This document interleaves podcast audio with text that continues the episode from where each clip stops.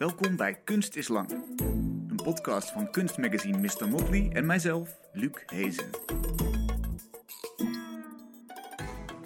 Dag, leuk dat je weer luistert. Vandaag praat ik met Vincent Sparreboom. Hij maakt intieme documentaires die vaak gaan over emotionele zaken in de familiesfeer. In zijn afstudeerfilm voor de Hogeschool voor de Kunsten in Utrecht zien we zijn manische moeder. Hij probeert haar via telefoongesprekken een toekomstdroom met een internetoplichter uit het hoofd te praten. En in de korte documentaire At the Feet of My Mother volgen we de volwassen Lucien, die in een therapiesessie zijn onveilige jeugd nabootst om zo los te komen van het trauma dat hij met zich meedraagt. Welkom Vincent, leuk dat je er bent. Dankjewel. Laten we beginnen bij Mamma Mia, je afstudeerfilm. Ja. Waarom wilde je je moeder als onderwerp tonen? Um, Mamma Mania was mijn uh, eerstejaarsfilm.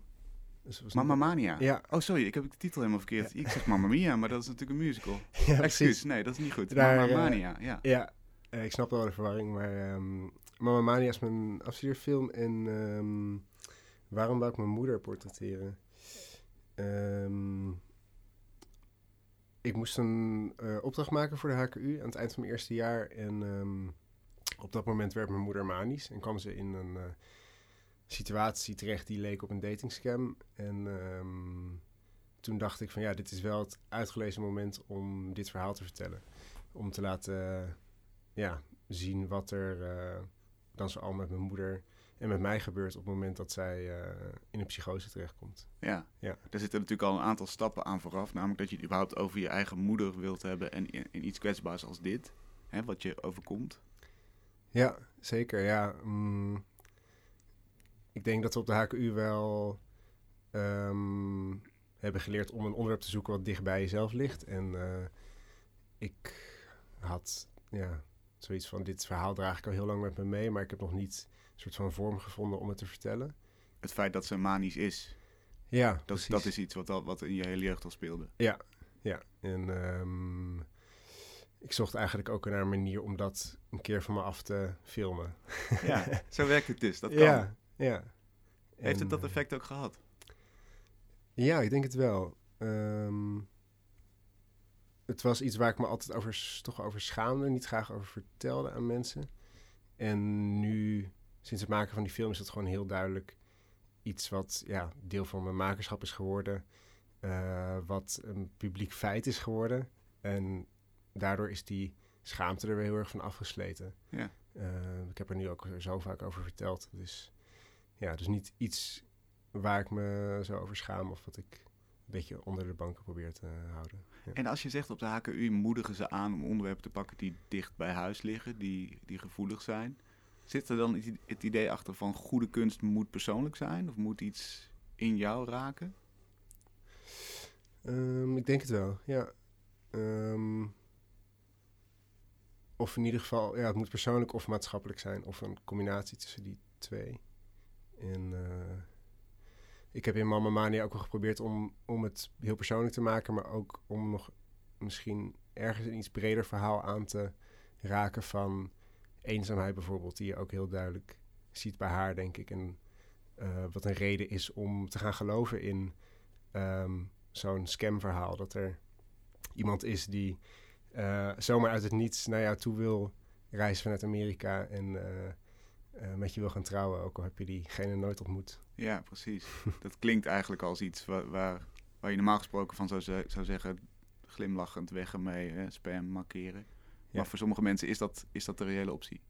Ja, ik denk het wel. Als je op een gegeven moment ben je zo wanhopig, wil je zo graag geloven dat, het, dat er iemand is. Um, en dan, ja, in het geval van mijn moeder, Um, in een manische episode raak je die realiteitscheck natuurlijk uh, sowieso een beetje kwijt. Dus dan is het ook wel heel, heel voorstelbaar dat je daarin meegaat. Ja. ja. Wat deed het maken van zo'n documentaire dan? Want ik kan me voorstellen dat je ineens in tweeën splitst. Je bent nog steeds de zoon, maar je bent ook een maker geworden. Je bent een regisseur die kijkt naar een onderwerp, een karakter wat hij aan het neerzetten is. Toevallig zijn eigen moeder, maar vooruit. Je wilt drama misschien. Hebben die twee rollen elkaar wel eens in de weg gezeten, als zoon en als regisseur? Mm. Nou, ik denk vooral dat het maken van de film een bepaalde grip gaf op de gebeurtenissen. Dus um, ja, op het moment dat mijn moeder manisch is, dan ehm, komt ze dus in allemaal gekke situaties terecht die heel onvoorspelbaar zijn. En eh, daardoor voel je je al snel overspoeld.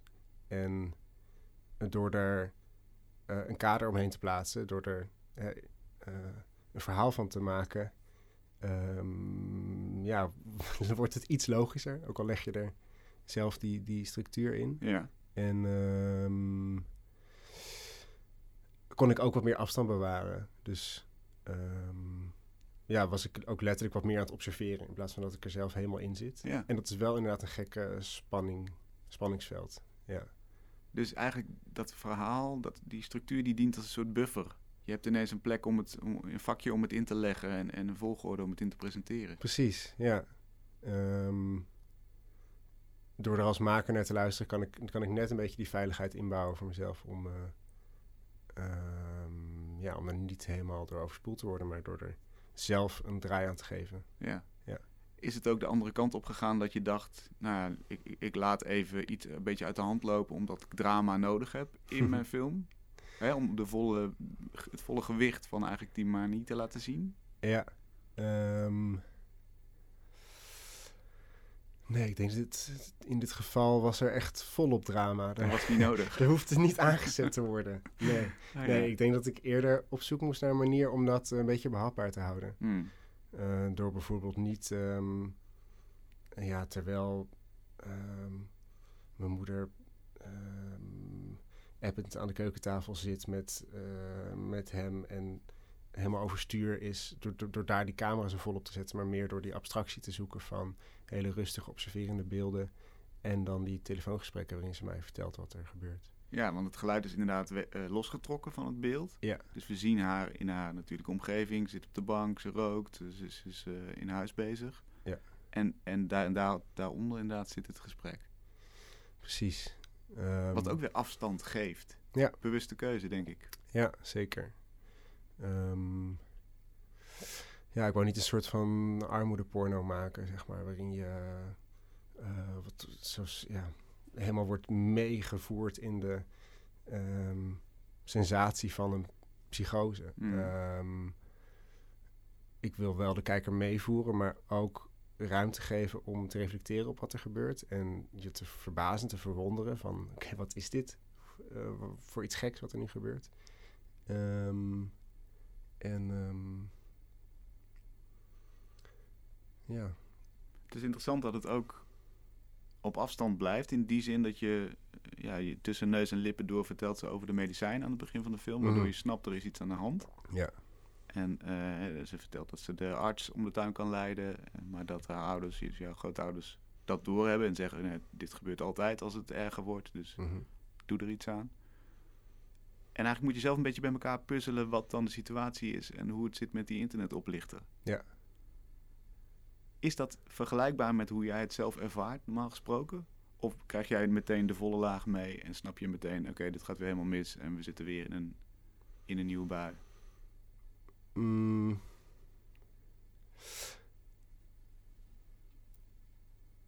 Ja, ik moet zelf ook altijd wel zoeken, denk ik, van hoe ernstig is dit nu? Um, is ze gewoon blij dat ze iemand heeft ontmoet online en... Uh, weet je, is dat gewoon een mooi verhaal? Of moet ik daar toch... Vaak ben ik dan toch uh, een beetje op mijn hoede. Hmm. Dan denk ik van, oh, misschien is dit toch het begin van een nieuwe episode. Maar verder, ja, die achtergrondinformatie heb ik zelf natuurlijk wel. Dus ik vond het vooral leuk om de kijker een beetje te laten zoeken. Ja, precies. Ja. Dat gevoel krijg je ook heel erg, dat, je, dat het een soort puzzel is. Ja. Een fascinerende puzzel.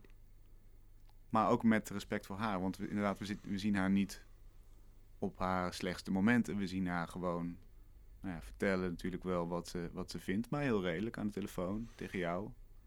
Je ook een beetje geruststellen of uh, ja, aannemen wat je eigenlijk tegenwerpt. Mm -hmm. En op een gegeven moment komt ze er dan achter, oké, okay, het is waarschijnlijk uh, nep, ja. oplichting. En ik, ik heb er toch maar afstand van genomen.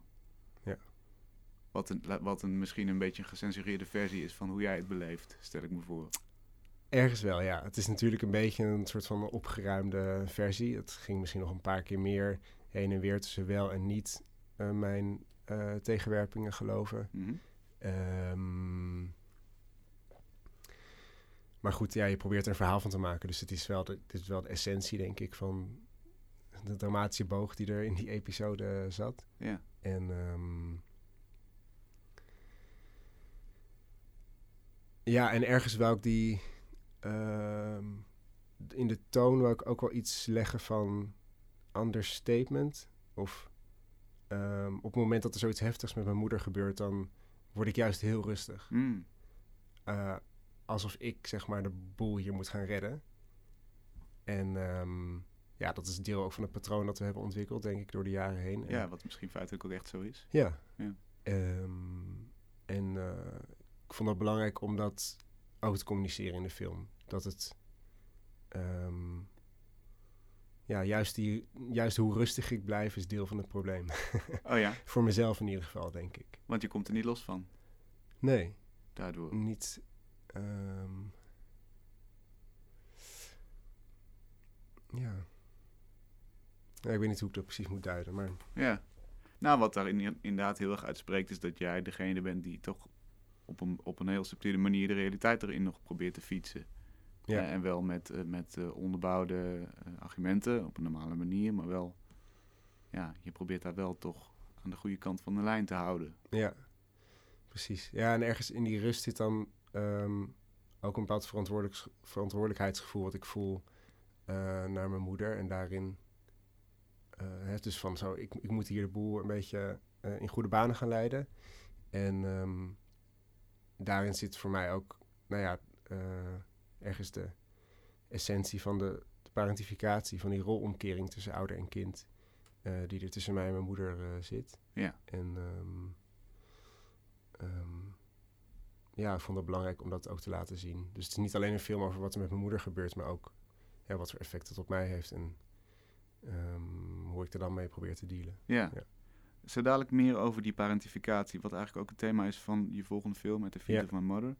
Ehm, wat doet het met jou dat jij in, in, in als het ware, dat, die verhaalstructuur belandt, dat kunstwerk? Wat heeft dat voor jou gedaan? Je, je rol zo te zien op eh, filmfestivals, in de grote zaal, met allemaal mensen erbij. Heb je, ben je anders naar jezelf gaan kijken?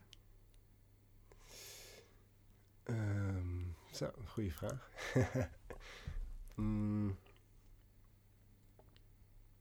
Nou, ik ben mezelf mm, in ieder geval beter gaan begrijpen door dit hele onderzoek. Dus het is een soort van, door mijn films onderzoek ik eh, ook wat er nou ja, in mijn familiesituatie dan eigenlijk aan de hand is. En ehm, daarbij kom ik ook tegen dat het niet een particulier probleem is van mij, maar dat er honderdduizenden mensen zijn in Nederland bijvoorbeeld die met zo'n zorgrelatie zitten naar een ouder toe.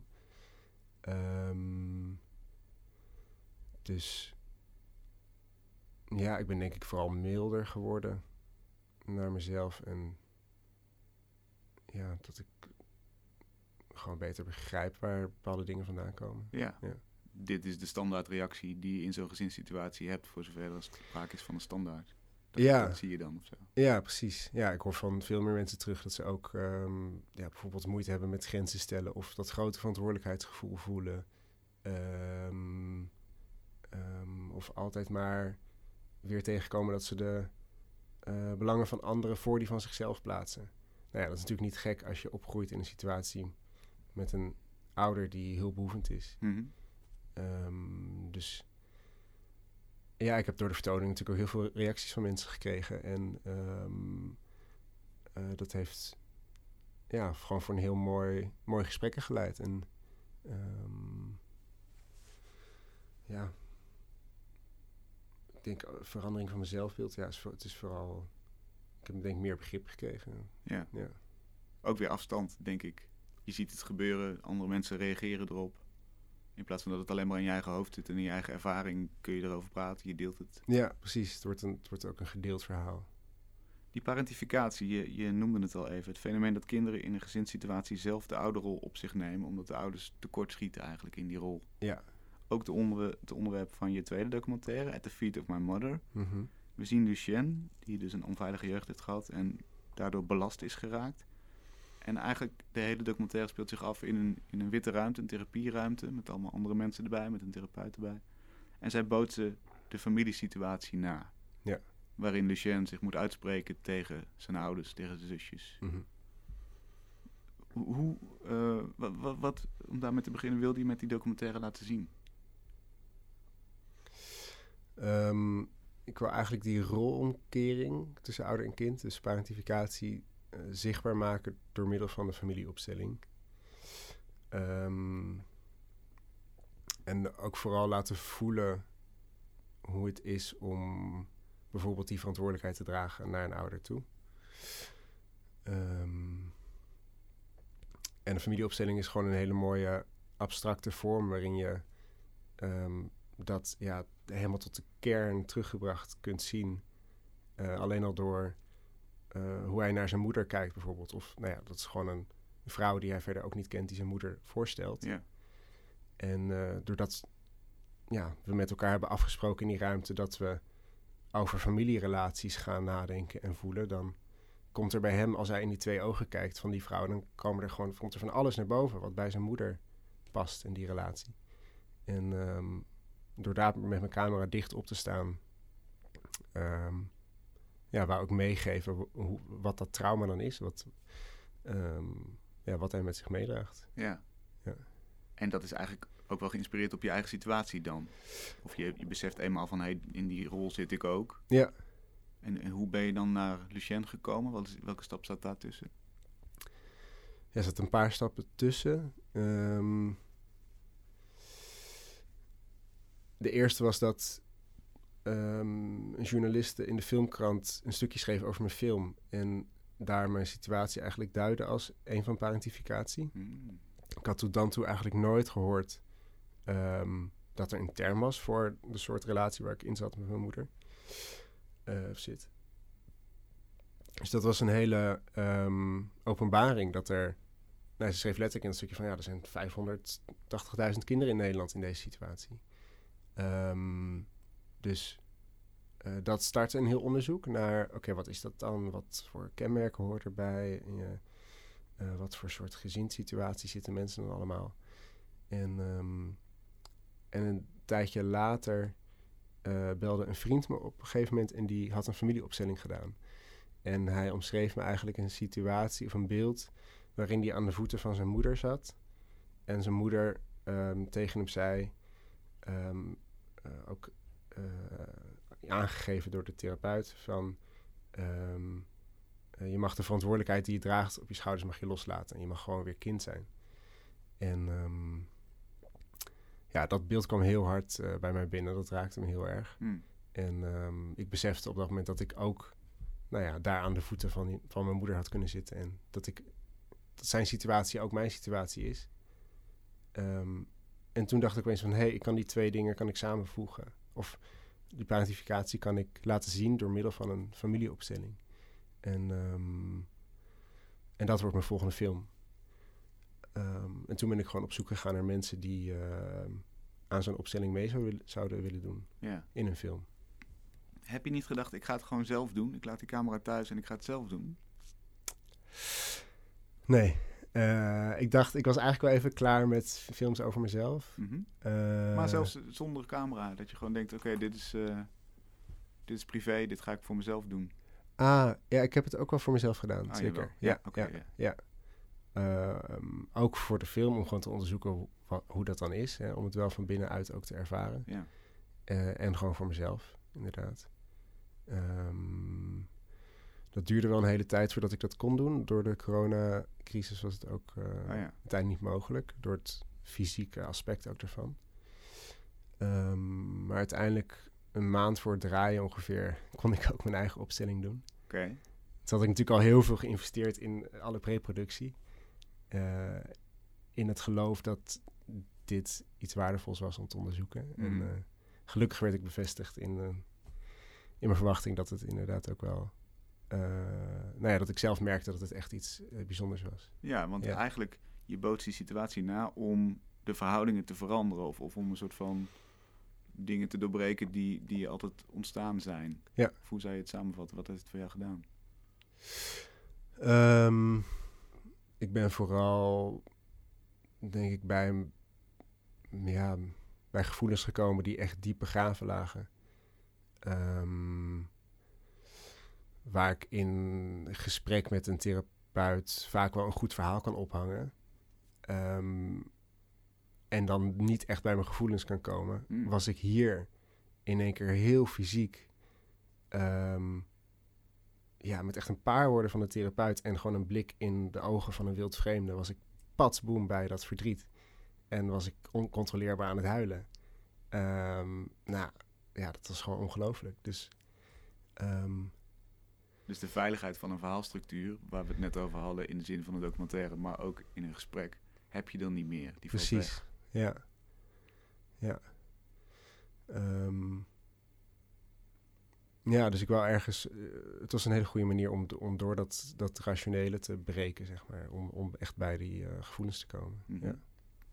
Hoe heeft dat geholpen met het camerawerk voor At the Feet of My Mother? Want we zitten heel dicht op Lucien, die ongelooflijk krachtig is daarin. En ook dat hij dat toestaat. Hè? Ja. Is natuurlijk super eh, ja, mooi dat iemand dat wil doen ja, op zo'n kwetsbaar moment. Ja. Hij verwoordt het ook heel goed. Mhm. Hij is ook echt eigenlijk de ideale hoofdpersoon, denk ik, om, om die hele techniek te laten zien. Zeker, ja. Eh, dus we volgen hem helemaal. Soms is dat heel indringend. Soms denk je ook van, oh, dit is best wel veel. Mhm. Wat, hoe heeft jouw eigen proces geïnformeerd hoe je die, die cameravoering wilde doen? Mm.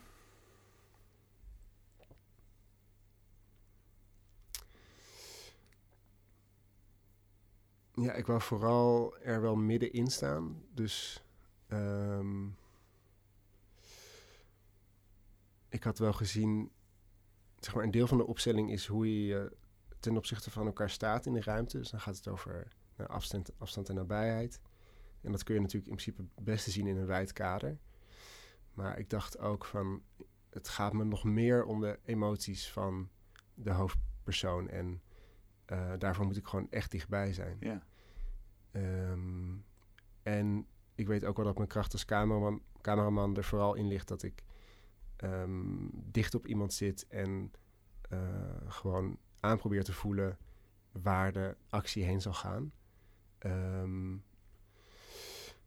en zodoende wou ik ja, gewoon midden in die opstelling gaan staan en mezelf ook als instrument gebruiken om ehm, ja, er dit keer helemaal in te duiken. Dus gewoon helemaal ehm, in te tunen op Lucien en ehm, wat er door hem heen ging. En ja, zo die ervaring over te brengen. ja. Ja. Hoe komt het dat, dat je daar zo goed in bent in het volgen van mensen en voorspellen waar ze naartoe gaan? Mm. Ja, ik denk dat het ook met mijn achtergrond te maken heeft dat ik. ehm, ehm, ja, dus goed in kan tunen op anderen. Dus dat heb Mm. ik. Nou ja, dat is eh, een grote gift, zeg maar, die ik van mijn moeder dan weer heb gekregen, eigenlijk. Een Eh, vaardigheid die je ontwikkeld een hebt. vaardigheid die ik ontwikkeld heb, inderdaad, om eh, heel goed op te letten van: oké, maar wat gaat er nu met er gebeuren? Ja. En ehm, mijn veiligheid hangt ergens ook daar dan weer van af, zeg maar. Ik moet gewoon heel alert zijn. En eh, omdat het wat onvoorspelbaar is. Dus ehm, dat heeft wel een bepaalde knobbel gekneed om, om daar ehm, ja, heel erg bij aanwezig te zijn. Ja. Ja. ja, inderdaad, je eigen veiligheid hangt ervan af. Ja, In sommige gevallen, je moet, je moet een, waar een logica ontbreekt, moet je toch proberen om één stap voor te lopen. precies. Ja. En ehm, nou ja, dat is wel, dat is aan de ene kant iets waar je niet altijd in wil zitten. En dus zoals bij Mama Mania was echt die afstand nodig. Maar ik wou hier juist het omgekeerde doen en het als, ehm, ja, eh, als middel gebruiken om, om zo dichtbij te komen. Wat heb je hierdoor ontdekt over dat parentificatie? Iets waar dus hoeveel mensen aan lijden, zei je? 580.000? Ja, dat zijn de schattingen ja, Ja. in Nederland. Ja. On- ja, ongeveer 1 op de 4 eh, kinderen. Ongelooflijk veel eigenlijk. Zit, zijn daar lessen uit te trekken? Of vind je dat een rol van jouw documentaire om daar eh, ja, ook in praktische zin iets, iets mee te geven? Of moet, moet het iets doen voor een van die 580.000 mensen die zitten kijken, die documentaire? Hoe formuleer je dat? Mm. Ja, ik hoop, ik hoop dat mensen geraakt worden door, door mijn films. Ehm, als het iets van herkenning kan geven van... hey, shit, ik zit ook in deze situatie. ehm, dan is dat gewoon heel erg mooi. Maar hoofddoel is te laten zien, dit is er en zo voelt het. In ieder geval in dit geval. Ja, ja, ik heb niet per se zoiets van, oh, hier is een maatschappelijk probleem. Daar voel ik een bepaalde connectie mee. Dat ga ik nu eventjes eh, aanpakken. Het is eerder dat ik vanuit mijn eh, eigen fascinaties en proces iets naar buiten probeer te brengen waar anderen hopelijk ook iets aan hebben.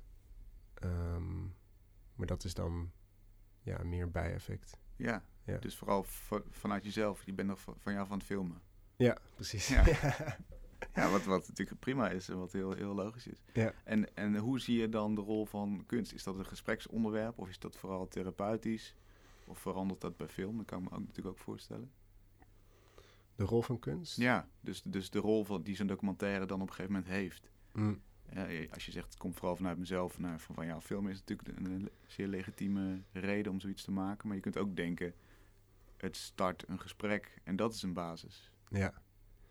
Ik hoop vooral dat het een ervaring biedt die mensen ehm, raakt, die, die iets aanraakt van een eigen ervaring die ze dan ja, opnieuw sterk beleven. Of ehm, iets wat ze nog niet kenden, maar wa- waarin toch iets wordt losgemaakt. Mhm. Ehm, ja, en als dat een gespreksonderwerp wordt, is dat mooi. Maar ik ben, ja, ik ben toch vooral in het teweegbrengen van emoties geïnteresseerd, denk ik. Ja. Ja.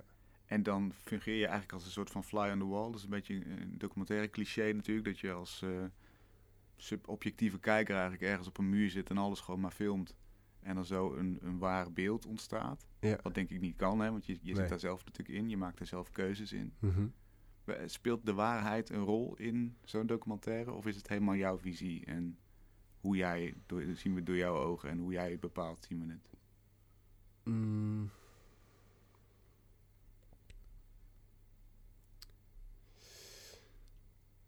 Ja, er is een bepaalde ervaringswaarheid, denk ik.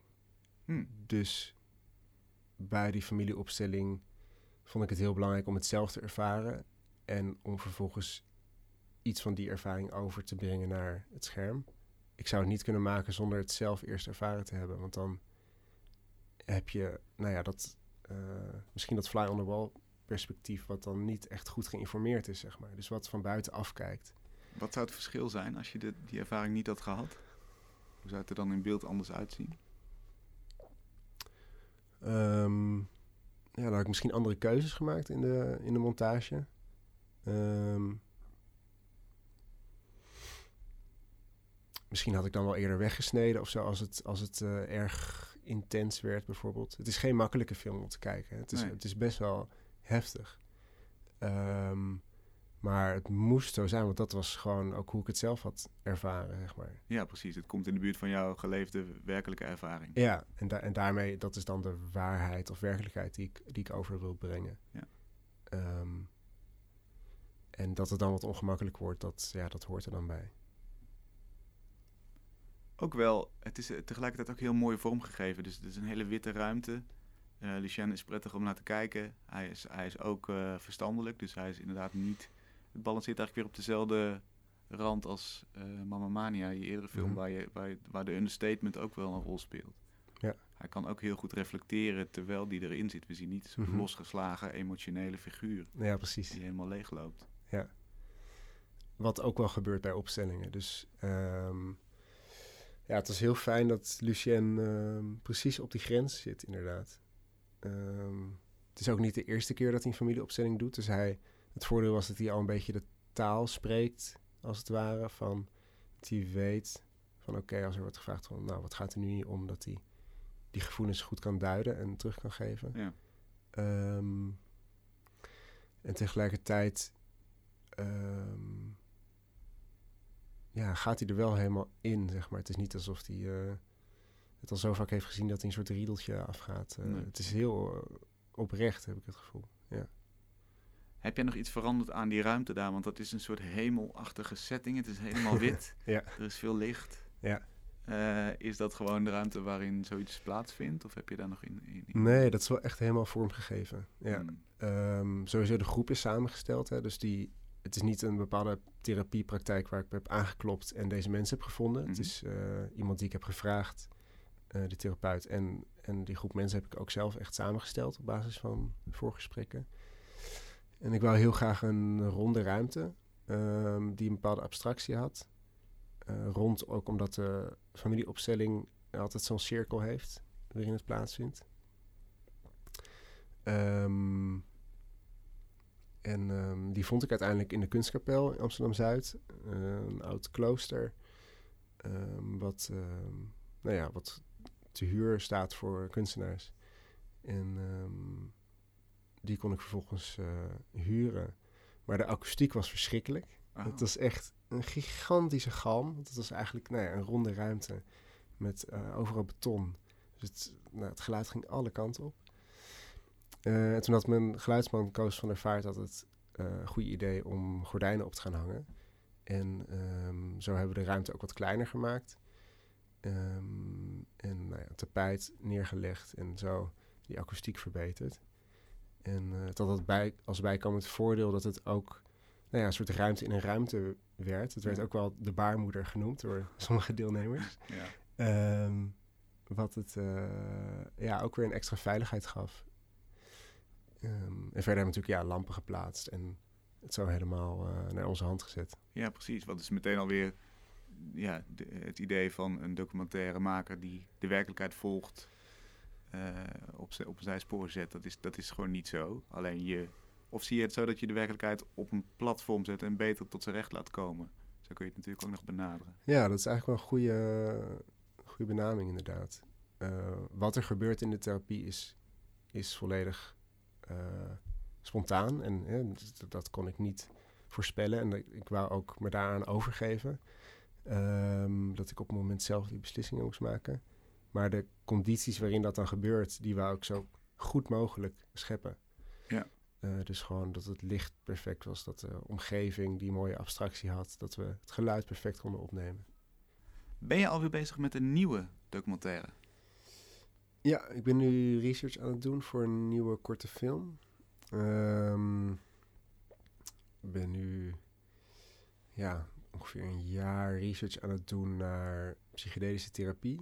Ehm, dus ehm, eh, ja, zeg maar psychotherapie met bijvoorbeeld ehm, eh, magic truffles of eh, ayahuasca. waarbij mensen ja, onder begeleiding zo'n psychedelische ervaring ondergaan. En zo eigenlijk hun ja, jeugdtrauma's of, of problemen kunnen, kunnen verwerken. Is een nieuwe vorm van therapie. Ja, ja, ja het, er wordt de laatste tijd heel veel onderzoek ook naar gedaan. Ehm, het zou ook eh, zomaar kunnen dat het binnen een aantal jaar al echt als reguliere therapie wordt aangeboden. Ehm, het is, eh, ja, de resultaten zijn heel veelbelovend tot nu toe. En ook voor allerlei verschillende soorten eh, problematiek. Dus dat is het bijzondere van mensen die met depressie kampen of angststoornissen, eh, verslavingen, ehm, eetproblematiek. Het is echt ehm, ongelooflijk. Ja, je, geeft ze wat truffels en je laat ze eh, een trip doormaken onder begeleiding. En eh, ze komen hun demonen tegen. En daardoor kunnen, ja, komen ze op een laag waarin dus die proble- problematiek verwerkt kan worden, wat, wat in veel andere therapieën niet zo makkelijk bereikt wordt. Ehm, dus ja, dat vind ik wel heel erg bijzonder. Dus we zijn eigenlijk van het verhalende ni- niveau naar het fysieke niveau gegaan. En nu ga je naar, bijna naar het onderbewuste niveau. Ja. Die drugs. Je, je pluist gewoon die hele therapiesector uit. Ja, het is ergens wel weer inderdaad een vervolg op dat, eh, dat onderzoek. Ja. Ja. Ehm, Heb je het zelf al gedaan? eh, ik heb één keer een ayahuasca-sessie gedaan, ehm, maar nog niet echt in een therapeutische setting. Dus dat wil ik, is iets wat ik binnenkort eh, nog wil gaan uitproberen. En kwam je daar demonen tegen inderdaad? Zeker, ja. ja. Hoe ziet dat eruit? Hoe, hoe, hoe gaat dat? Ik heb het nooit beleefd. Ehm, in mijn geval, het was, het was in eh, Amsterdam-Noord in een eh, kerk van de Santo Daime ehm, groep, een soort van syncretische religie. Mhm. En ehm, ja, dan kom je in het wit gekleed ehm, in die kerk samen met nou, 50, 60 mensen. En er zit een heel ritueel omheen. Eh, bepaalde liederen die worden gezongen. Ehm, nou, op een gegeven moment wordt dan dat drankje uitgedeeld. En zo langzaam begint dat in te werken. Ehm, ja, er is veel meditatie, zang. Eh, je hebt eigenlijk gewoon een aantal uur om helemaal naar binnen te gaan. En ehm, ja, dan kom je zelf van alles tegen. Ehm, En misschien, je hoeft niet altijd te veel privé details te vertellen, maar ik ben ook benieuwd hoe, hoe dat eruit ziet. Voor jou als beeldmaker is dat misschien ook iets waar je, waar je op let. Wat, hoe, hoe ziet het eruit? Is, het, is de werkelijkheid verwrongen? Is, zijn het heldere herinneringen? Ehm, ja, het kan, kan heel kaleidoscopisch zijn dat je echt eh, ja, bepaalde beelden van vroeger weer voor je ziet. Dus het kan je echt terugbrengen naar naar een plek nou, dat het bijna als in een droom zo echt voelt. Ehm, en aan de andere kant kan het ook in het hier en nu, ehm, in de interactie met andere mensen, kun je ook weer ehm, in een bepaald patroon schieten wat je misschien kent uit het dagelijks leven. Wat je heel veel vertelt over ehm, em, ja, een onder, onderliggende problema- problematiek die je hebt. Mhm. Heb je daar een voorbeeld van? Eh, nou ja, ik had, ik had in die ayahuasca-sessie ehm, heel erg het gevoel van... oh, ik wil eigenlijk niet op deze stoel hier blijven zitten in die groep. Ik wil eventjes me afzonderen. Mhm. Maar ik vond het heel moeilijk om daar eh, toestemming voor te vragen. Omdat ik het gevoel had van... oh, ik, ik breek nu met de groep en ik, en ik, eh, eh, ik wijk af... En, en hoor ik er dan nog wel bij. ja. Alles van zulke soort vragen. Ja. Eh, en dat, nou ja, dat, dat gaat dan heel erg over loyaliteit en eh, hè, mag ik er zijn, ook als ik afwijk. Zulke soort, zulke soort thema's komen dan ehm, ja, heel erg naar voren. Ja, voor Waarin jezelf je- opkomen. Precies, voor jezelf opkomen, ja. Ehm, waar dat in het dagelijks leven misschien ook tegenkomt en dan dat het even een moeilijk momentje is, waar je daarna weer verder gaat, is het in zo'n trip ehm, eh, ja, heel intens. Dus die emotie die ervaar je echt vol. En als je er dan, ik kon op een gegeven moment dan wel de moed verzamelen om dat te vragen. Nou ja, dan voelt het als een gigantische doorbraak. Eh, wat misschien dan ook wel weer doorwerkt later. Ehm, dus ja, zo, zo, zo werkte dat voor mij toen. Maar ik zou in het vervolg ehm, nog eens één op één met een therapeut ook willen werken.